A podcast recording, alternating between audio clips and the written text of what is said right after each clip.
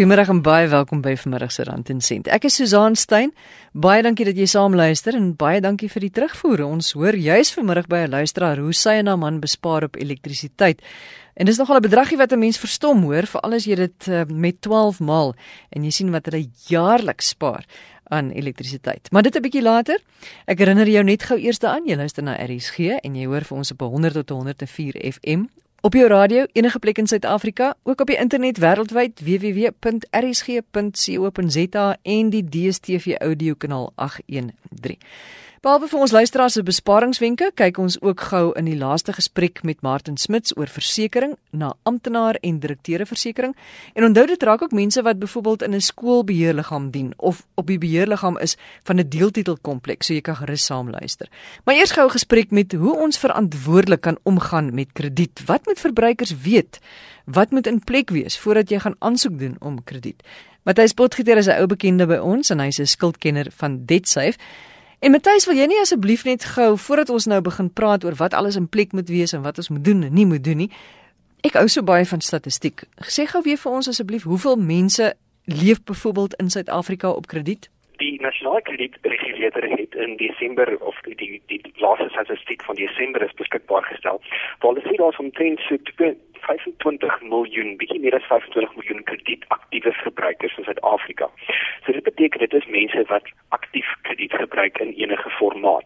Dit beteken dit kan 'n uh, klererekening wees, 'n uh, persoonlike lening, 'n kredietkaart, 'n huislening, 'n voertuigfinansiering, enige vorm van krediet daar buite.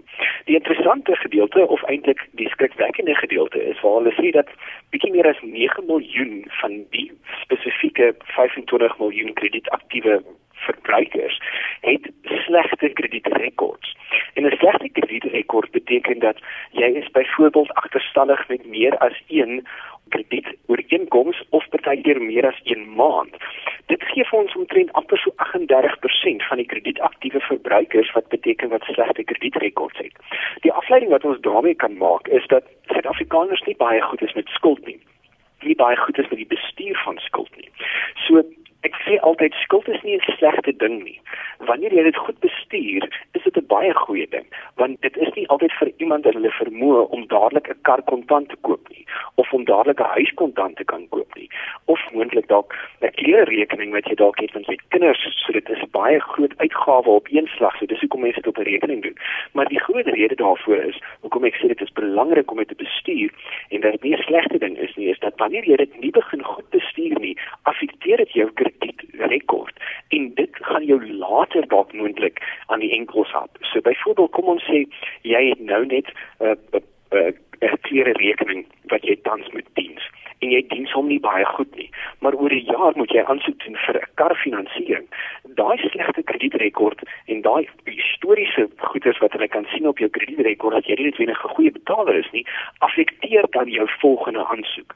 So dit is hoekom dit baie belangrik is wanneer jy krediet uitneem, moet jy weet dat jy dit baie goed moet bestuur want dit is nie net vir nou belangrik nie, maar dit is ook belangrik vir die toekoms. Voordat jy vir ons 'n paar wenke gee van hoe ons dit kan bestuur, wat moet ek alles in plek hê wanneer ek om krediet aansoek doen? Wat moet ek in gedagte hou? Wat moet ek in plek hê en hoe werk die proses? Die belangrike ding is, is om te gaan kyk wat sê die nasionale kredietwet vir ons. So die nasionale kredietwet sê wat is die verantwoordelikhede van 'n krediteur en wat is die verantwoordelikhede van 'n gebruiker? Aan die verbruiker se kant beteken dit dat jy moet op die ou ende kan bewys dat jy hierdie lening of hierdie krediet waarvoor jy aansoek doen, dat jy dit kan bekostig. So jy gaan moet wys dat dit is wie ek is, so jy gaan met 'n persoonlike identifikasie bewys. Jy gaan gewoonlik vir hulle moet wys dit is waar ek bly, so 'n bewys van adres en dan gaan jy vir 'n vorm van inkomste moet wys. Ek weet dat in Maart was daar wel 'n uh, hooggeregshof aansoek wat aangebring is deur sekere retailmarkte om te sê dat 'n gedeelte van die nasionale kredietwet moet geskep word omdat dit nie noodwendig altyd vir enige persone in die mark daar buite toegang gee tot krediet nie, byvoorbeeld vir informele werkers. Maar die nasionale kredietwet staan steeds presies soos wat hy is en baie maatskappye het interne policies en dit is op die ou ende daar waar dit gestaan gaan word. Die spesifieke retailers is moontlik besig om hulle interne policy te verander maar iets is byvoorbeeld FNB het baie duidelik gemaak dat hulle gaan glad nie hulle hulle beleid enigsins verander oor hoe hulle besluit of 'n persoon kan krediet kry of nie. So daai is een van die eerste goeders. Bewys van inkomste is belangrik. Dit is byvoorbeeld 3 maande se bankstaatment of byvoorbeeld ehm, 'n um, payslip of wat hulle nou sê wat jy moontlik kan doen is as jy 'n brief byvoorbeeld gaan kry van jou werknemer om te sê dat dit is die hoeveelheid geld wat ek per maand verdien of per dag verdien. So dit is my maandelikse inkomste. Dit kan moontlik ook dan gesien word as 'n bewys, maar ek sê nie dit kan by enige instansie geld nie. Maar aan die ander kant van die krediteur wat belangrik is, die krediteur moet kyk volgens die nasionale kredietwet, wat is die persoon se skuldgeskiedenis? En dit is waar wat ons vroeër oor gepraat het, wat ek praat van die kredietrekord. Hoe betaal daai persoon skuld af? So wat is hulle behavior om die Engelse term te gebruik wanneer dit by skuld kom? Dan ook moet hulle kyk na wat is die persoon se toekomstige finansiële posisie. So hoe lyk die persoon se vooruitgange of se vooruitsigte finansiëel? Die persoon moet dan ook verstaan wat is hulle regte en hulle risiko's rakende die spesifieke aangeleentheid en dan moet hulle verder bepaal is wat is die persoon se diskresionêre inkomste. En dit is daai gedeelte nadat jy al jou rekenings betaal het. As jy kyk na jou bruto inkomste of jou netto inkomste wat inkom en jy het al jou rekenings betaal, wat is daai balansie wat oorbly? Daai balans wat oorbly, gaan dit hierdie lening wat jy nou ekstra vat of hierdie rekening wat jy nou ekstra oopmaak, gaan dit dit op jou en dit kan cover. So dit is die basiese goeders. Hulle moet ook 'n profiel van jou kredietrekord trek en hulle moet gaan kyk wat is jou basiese uitgawes. So hulle gaan vir jou vra, hoeveel spandeer jy byvoorbeeld op kos? Hoeveel spandeer jy op vervoer? Hoeveel spandeer jy op jou kredietkaarte dan? So hulle gaan vir jou 'n tipe van 'n begroting voorvra om uit te werk, kan jy aansoek doen? kan jy hierdie diens. En dan moet die die verbruiker verstaan ook dis daar waar die krediteur dan op jou kan besluit ek gaan vir jou krediet verleen of ek kan dit vir jou gee of ek kan besluit ek gaan dit nie vir jou gee nie. As die krediteur besluit om dit nie vir jou te gee nie, mag die verbruiker dan vra vir die krediteur wat is die redes hoekom jy nie hierdie krediet aan my gee nie. Matthys nou goed, nou het jy jou krediet gekry. Hoe bestuur ons dit sodat ons nie in die moeilikheid raak nie? Dit is daar waar ons moet teruggaan na die basiese beginsels toe. Die eerste ding wat jy moet doen is sodra jy dit nog nie het nie, is dit vandag die beste dag om dit te doen. Moenie wag eers vir môre nie. Stel vir jou 'n begroting op. Weet presies waartoe gaan jou geld, wanneer, watter tyd van die maand, wanneer gebeur watter debietorder. Hoeveel is daai bedrag vir daai debietorder is? Maak seker die geld is in die rekening vir daai debietorder. So dit is 'n belangrike ding wat Suid-Afrikaners moet ook doen, is betrokke raak by hulle finansies. Raak betrokke by die detail van jou finansies. Weet presies op wat spandeer jy hoeveel? Wanneer gaan wat af? Sodat jy kan ordentlik begroot daarvoor en seker maak dat jy nie die soos die Engelse mense sê net one slip one nie, want dit beïnvloed jou kredietrekord. So dis die eerste ding. Begroot, begroot, begroot. As jy ook 'n begroting het, dan kan jy self sien wat is jou diskresionêre inkomste. So jy gaan dan sien aan die einde van die bedag nadat ek die inkomste gekry het en ek het al hierdie goedes wat moet afgaan en al hierdie uitgawes wat ek maandeliks het, het ek 'n sekere hoeveelheid geld oor. En op daai stadium moet die Suid-Afrikaanse verbruiker 'n slim besluit maak en hulle self vra moet ek hierdie krediet dan nou aangaan of moet ek dit eerder nie aangaan nie want dit gaan alles oor daai bietjie geld wat oorbly want dit gaan jy nou eintlik net in nog moontlik nog 'n krediet verskaffer se rekening in betaal. Die groot gevaar is is ook wat tans gebeur en ek dink Susan jy sal dit dalk ook ondervind het enige iemand wat tans gebruik maak van um online banking of van van toepassings op die foon met banke of enige iets anders te sal jy dadelik sien daar pop sommer partykeer 'n boodskap op wat sê dat jou kredietkaart kan jy sommer dadelik met een klik net verhoog na soveel toe ja. of daar is daar 'n uh, vooraf goedgekeurde persoonlike lening vir jou. En dan is 'n mens partykeer so gretig om dadelik daarop te klik want jy het dit mos nou. Hulle het mos nou klaar vir jou gegee. En op daai oomblik dink ons nie regtig wat is die langtermyn effek hiervan nie. So wees 'n klein bietjie meer versigtig op hierdie stadium. Ons het nou net die nuwe VAT increase gehad. Ons begin nou eers die effek op dit begin voel. En ek dink die effek gaan binne die volgende 2-3 maande regtig eers insink. Dan het ons nou net die petrolprys wat verhoging gehad. Daar is sosio-ekonomiese omstandighede wat bietjie onstabiel is op die stadium. Ons weet nie waar dit goed gaan gaan nie. So ek dink die Suid-Afrikaanse verbruiker moet 'n klein bietjie meer versigtig wees. En it's never a good idea to borrow from Peter to pay Paul. So moet nooit ander skuld maak om Want op die einde is jy net besig om jouself dieper en dieper in daai skuldsirkel in te laat val. Matthys, ons het 30 sekondes net gou. As jy een van daai mense is wat in die moeilikheid is, wat is jou stap môreoggend, maandagooggend eerste ding? Jou stap maandagooggend eerste ding is om te aanklop vir hulp. Wie daar's hulp buite? Die nasionale kredietwet en die reguleerder sê dat iets soos byvoorbeeld skuldhersiening is die beste manier en die veiligigste manier om seker te maak as jy in die moeilikheid is dat jy wel op 'n gestruktureerde manier en 'n veilige manier uit die moeilikheid kan kom en 'n vry van skuld lewe kan lei na dit. Matthys baie dankie. Dit is altyd lekker om met jou te gesels. Dit is Matthys Potgieter, hy is 'n skuldkenner by DebtSafe. Maar vereers is dit ons laaste gesprek met Martin Smits. Hy is die eienaar van Smits Internasionaal Spesialis Versekeringsmakelaars. Nou Martin, ons het jou 'n bietjie misbruik so die afgelope paar weke. Ek hoop ons gaan in die toekoms weer gesels. Maar vandag is ons laaste gesprek en ons gaan kyk na iets wat jy sê baie belangrik is veral in maatskappye, maar dit het ook betrekking op individue, soos ek en jy en ons luisteraars. Dit is amptenare en direkteure versekerings. Nou kan jy sommer net weer begin deur te verduidelik presies wat dit behels.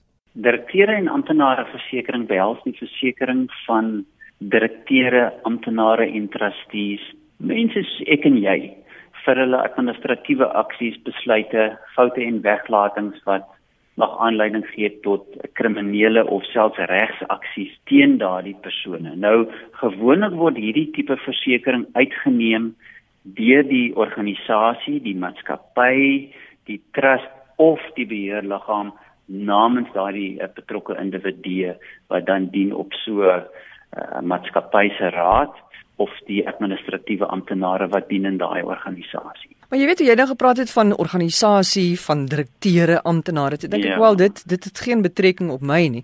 Maar ja. jy praat ook van mense wat byvoorbeeld uh, deel is van 'n skoolbeheerliggaam of wat deel is van die beheerliggaam van die woonstelblok waarin hulle woon of woonstelblokke wat hulle besit. En toe het ek my ore gespits want 'n mens dink nie daaraan nie. Absoluut.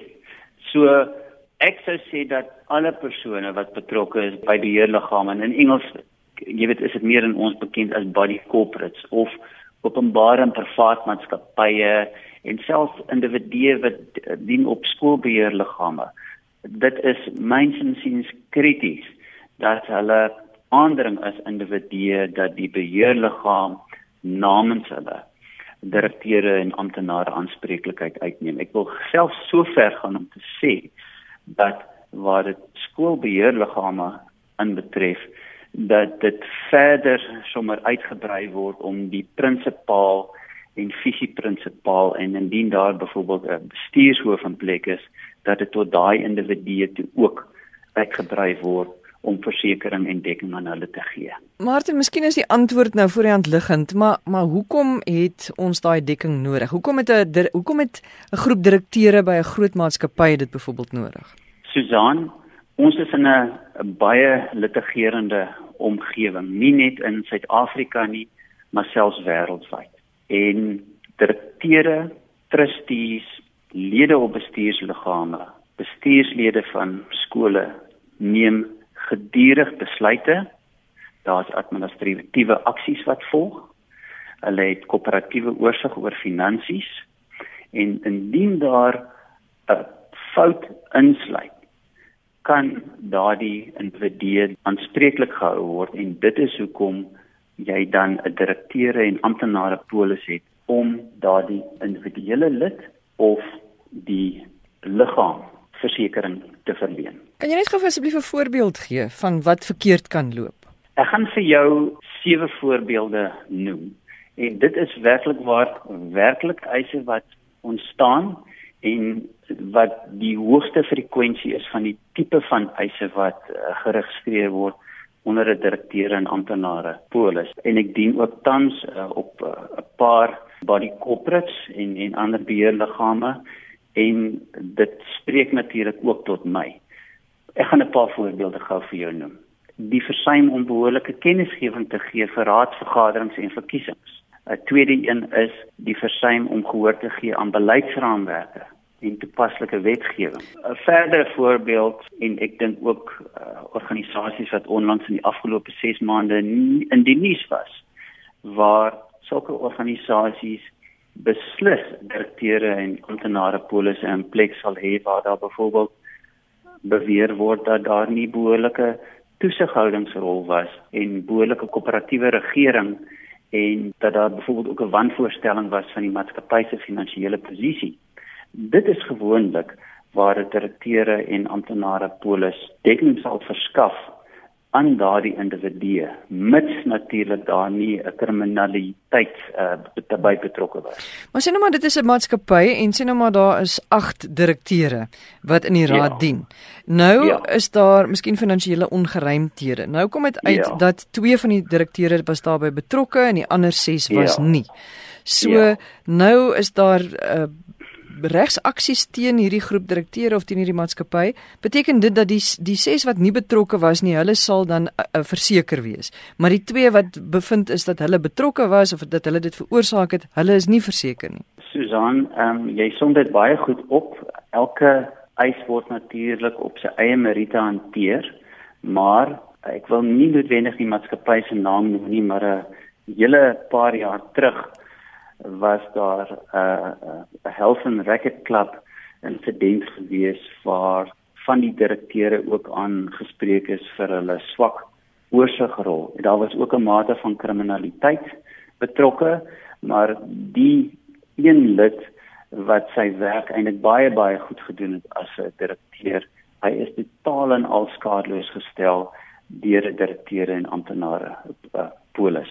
So direkteure of amptenare wat werklik waar bevind is dat hulle krimineel opgetree het en met hulle hand in die koekieblik gevang is, hulle gaan nie skadeloosstelling ontvang nie, maar die ander direkteure wat ter goeie trou opgetree het verantwoordelik opgetree het, aan hulle sal skadeloosstelling verskaf word onder 'n direkteure en amptenare polis. En dieselfde geld dan nou as jy behoort aan 'n beheerliggaam of lid is van 'n beheerliggaam en sien nou maar by 'n woonstelblok byvoorbeeld. Ja. En daar is 'n uh, werk gedoen aan die woonstelblok en van die eienaars besluit nee, maar hierdie ons hou nie hiervan nie of hier het fout ingesluip. Dit is wanneer hulle eis kan instel teen die lede van die beheerliggaam.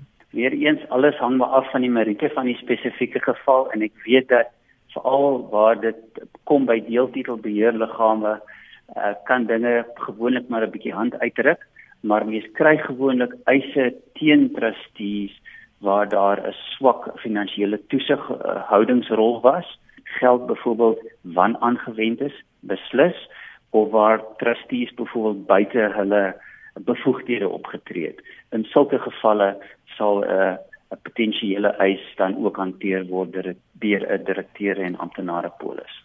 Martin, net gou 'n laaste woord van wysheid om ons eh, praatjies af te sluit. Susan, ek is nou al vir meer as 20 jaar in die korttermynversekeringsomgewing.